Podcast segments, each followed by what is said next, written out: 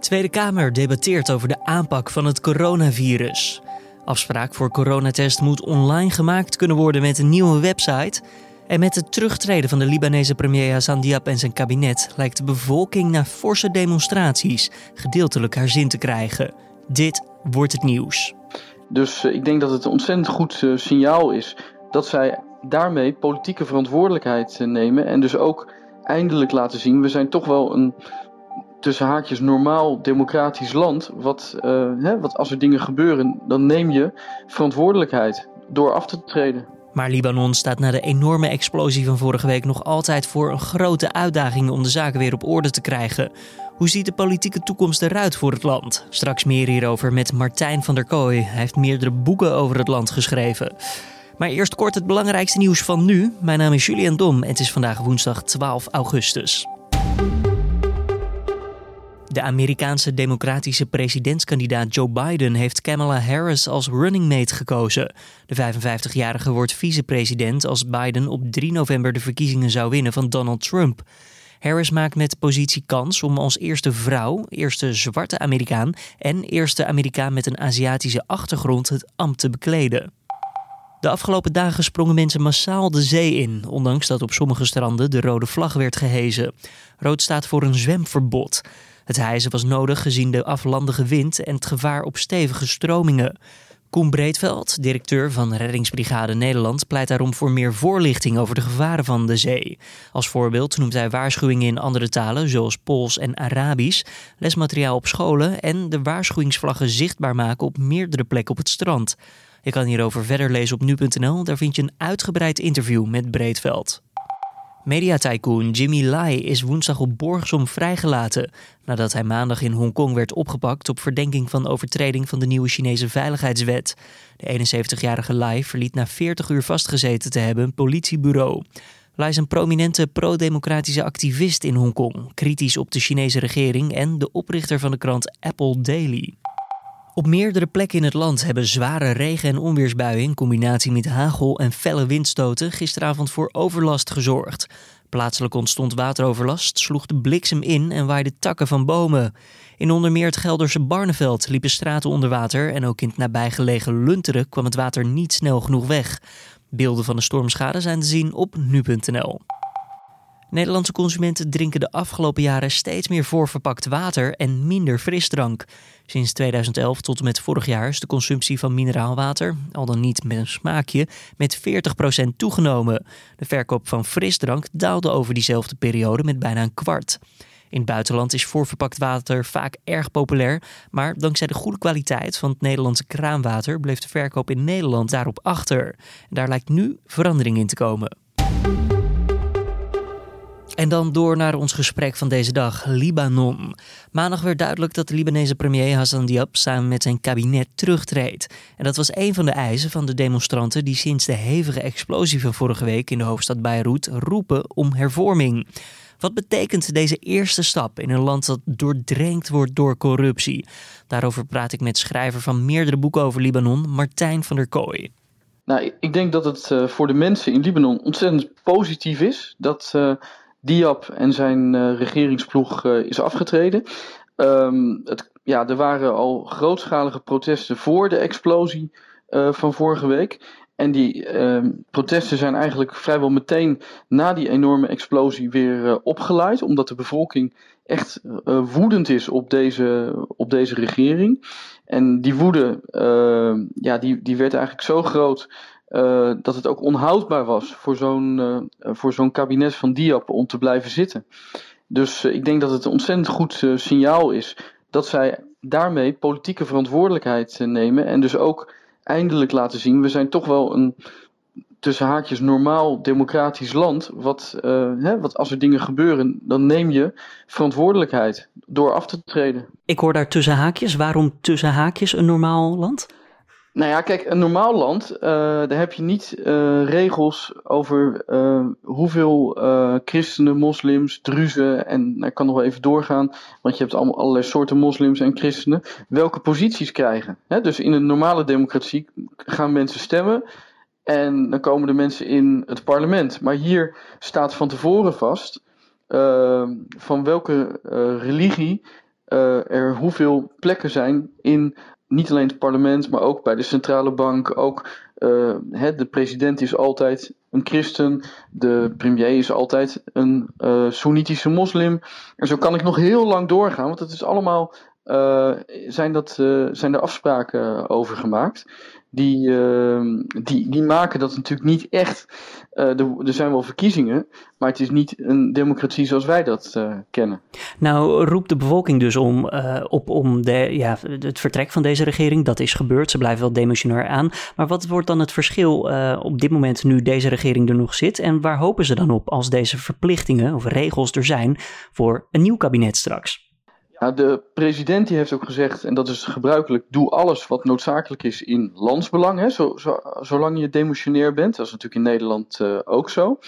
Ehm, maar dit kabinet zal eigenlijk heel weinig nog doen en heeft eigenlijk uh, sinds het aantrad ook ontzettend weinig gedaan. Want uh, ondertussen is er een financiële crisis voorbij gekomen die ze niet hebben kunnen stuiten en sterker nog uh, ook helemaal uh, ja, niks positiefs aan hebben bijgedragen. Uh, dus ze zullen op de winkel passen, zoals dat heet. En ja, dan verkiezingen voorbereiden. Nou, en dat is echt heel spannend in, in Libanon. Want ehm, je, moet, je moet zo bedenken dat ze geen seculiere partijen hebben. Mm -hmm. Die mhm. zijn er wel, maar die, dat zijn, dat zijn bewegingen op straat. Het zijn een enkel parlementslid die zegt: Ik ben seculier. Maar een grote politieke seculiere beweging. Of een beweging die bestaat uit moslims, christenen, druzen. Nou, al die groepen die je daar, hebben, die, die je daar hebt. Dat is er niet. En dat is nu de kans. Omdat men de politieke klasse, de elite, uh, totaal zat is. En omdat alles zich afspeelt via die sectarische lijnen. Uh, als een groep mensen uh, met de verkiezingen mee kan doen en uh, kan zeggen wij zijn uh, een alternatief voor de bestaande elite, nou dan kun je dus met dat systeem wat ze daar hebben, kun je zelfs 100% van de zetels halen als je maar voldoende mensen uit alle religies op je lijst hebt staan. Dat is natuurlijk onwenselijk, 100%, maar je kunt heel erg groot worden. In... Maar er is ruimte voor een nieuwe wind, inderdaad. Er is ruimte voor een nieuwe wind, want ja, ik bedoel, de stad is ontploft wegens nalatigheid uh, van de regering. En letterlijk ontploft. Ik bedoel, uh, vrienden van mij sturen foto's, video's. Alles is kapot. Rondom de haven en ver rondom de haven. Dus dat is, nou ja, als je regering daarvoor verantwoordelijk is, je politieke elite dit heeft laten gebeuren. En er is al een probleem, namelijk dat ze bestaande problemen, zoals die financiële crisis, die ook heel erg is. Heel veel mensen zijn werkloos op dit moment, niet aanpakken dan is er ruimte voor een, uh, voor een alternatief. En dat zou ook uh, ja, heel gunstig zijn, omdat de internationale gemeenschap uh, ja, nu heel huiverig is om met Libanon samen te werken. En dat kabinet van Diab, dat stond onder invloed. Nou, onder invloed. het was eigenlijk een Hezbollah-kabinet, kan ik eigenlijk wel zeggen dus eh, ook die hele uh, Diab zelf als persoon.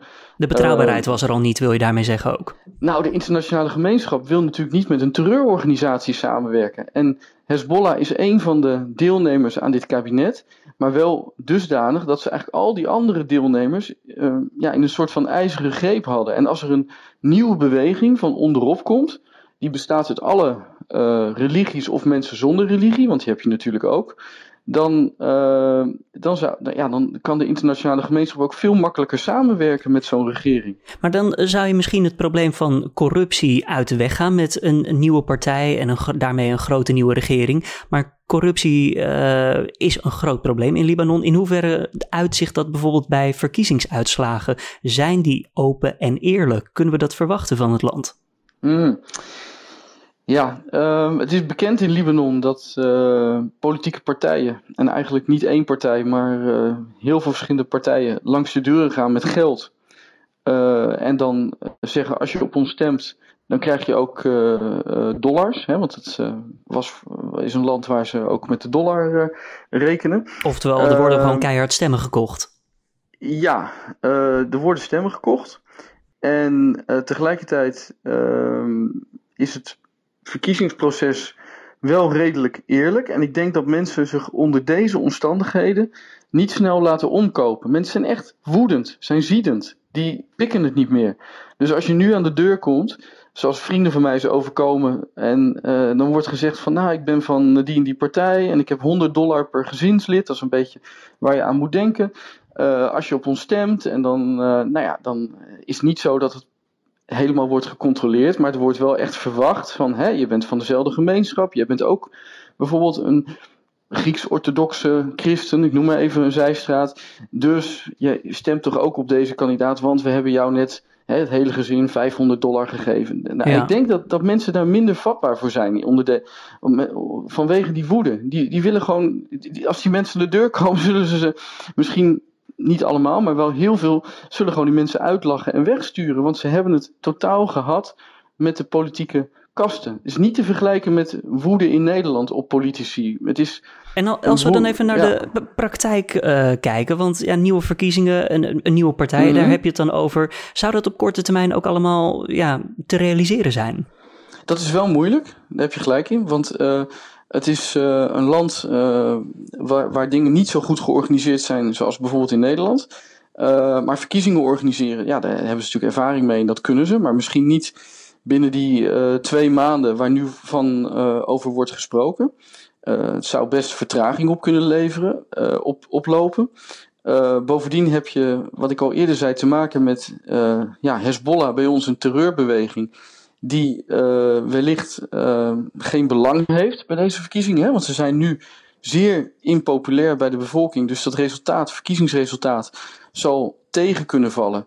En Hezbollah ja, staat erom bekend om dingen ook uh, te kunnen saboteren. En dan moet je denken aan uh, ja, geweld, clashes, uh, zaken die het land ontregelen, waardoor dan wordt gezegd, ja, nu is het niet de tijd voor verkiezingen, want, nou ja. Dus er zijn heel veel scenario's mogelijk, maar verkiezingen komen er. En ehm, ik denk nogmaals dat, dat, dat een nieuwe partij, een nieuwe beweging ontzettend grote kans maakt op dit moment. En ja, in jouw mening, als je dan kijkt naar de langere termijn, denk je dat corruptie in Libanon ja, tot zekere hoogte of misschien wel helemaal uiteindelijk kan verdwijnen? Nee, helemaal uh, sowieso niet.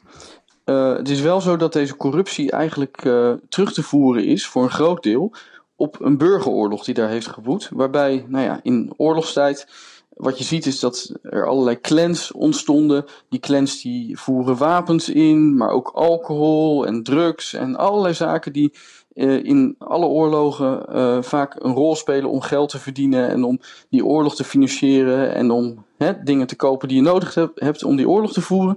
En eigenlijk die structuren met dezelfde mensen en hun kinderen zijn nog aan de macht. Dus ik denk wel dat als er een structuur voor in de plaats komt. Hè, dus dat die familieclans, want dat zijn het, uh, buiten spel komen te staan. Dus er staat ook wel heel veel op het spel voor die, voor die mensen. Dat moet je wel bedenken. Mm-hmm. Dat, uh, dat het dan kan dat het land uh, minder corrupt wordt. Maar niet, niet corrupt, want het is nu, ik heb even gekeken, het staat op de 128ste plek van de corruptste landen in de wereld. Dus negatief. Hè? Dus moet ik even herstellen, 137ste plek van de 180.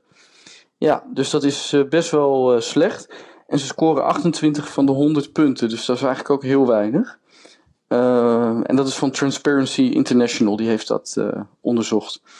Dus, dus, maar ik denk wel dat, dat die elite die nu regeert, als die het veld ruimt, dat dan het in ieder geval minder kan worden. Martijn van der Kooi, dankjewel voor je toelichting. Dan kijken we nog eventjes naar de rest van de agenda voor deze woensdag. Ondanks het reces debatteert de Tweede Kamer vandaag weer over de aanpak van het coronavirus. Er zou in eerste instantie alleen een kleine commissie samenkomen, maar mede op verzoek van PvdA Lodewijk Asscher komt er nu toch een plenair debat. En dat begint om kwart over elf. Voordat het over het coronavirus gaat, zal de Tweede Kamer wel nog even stilstaan bij de allesverwoestende explosie in Beirut. De GGD hoopt vandaag een flinke slag te slaan tegen de lange wachttijd rondom een coronatest. Tot nu toe moest je altijd bellen voor een afspraak en werd je vervolgens gebeld als de uitslag er was. Vandaag is het echter de bedoeling dat de website coronatest.nl live gaat. Op het moment dat we deze podcast maken, en dat is zo pak een beet half zes ochtends, is de website nog niet live, maar probeer hem vooral eventjes zelf om te kijken of je hem al kan gebruiken. Op die site kan je namelijk met je DigiD uiteindelijk een afspraak maken en online de uitslag zien als die negatief is. Mocht de uitslag nou positief zijn, dus als je het coronavirus onder de leden hebt, dan word je alsnog gebeld. En de Champions League die wordt vandaag hervat met de eerste kwartfinale. Daarin neemt Atalanta van Maarten de Roon en Hans Hatenboer het op tegen Paris Saint-Germain, waarbij Mitchell Bakker deel uitmaakt van de selectie. Alle kwartfinales worden vanwege de coronacrisis over één wedstrijd gespeeld en vinden allemaal plaats in Lissabon. De aftrap is vanavond om 9 uur.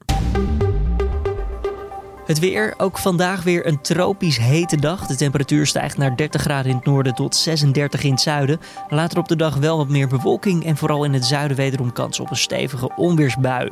Deze kunnen zoals gisteren gepaard gaan met heel veel wateroverlast. De buien die trekken s'avonds naar het noorden en lossen dan geleidelijk ook weer op.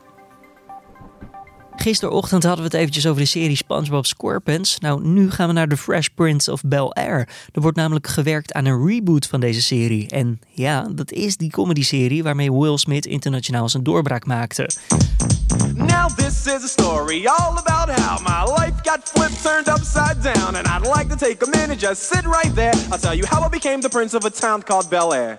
De reboot zou een dramatische kijk geven op het leven van hoofdpersoon Will, ja, die nu niet meer door Will Smith gespeeld zou worden.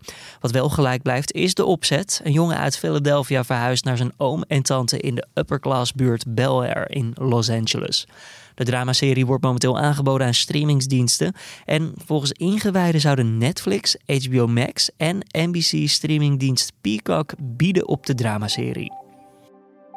En dat was hem dan voor deze woensdagochtend 12 augustus. Tips of feedback stuur het naar ons toe, podcast.nu.nl. Ik wens je voor nu een fijne dag. Mijn naam is Julian Dom en vanmiddag hoor je collega Carne van der Brink met de middageditie van deze podcast.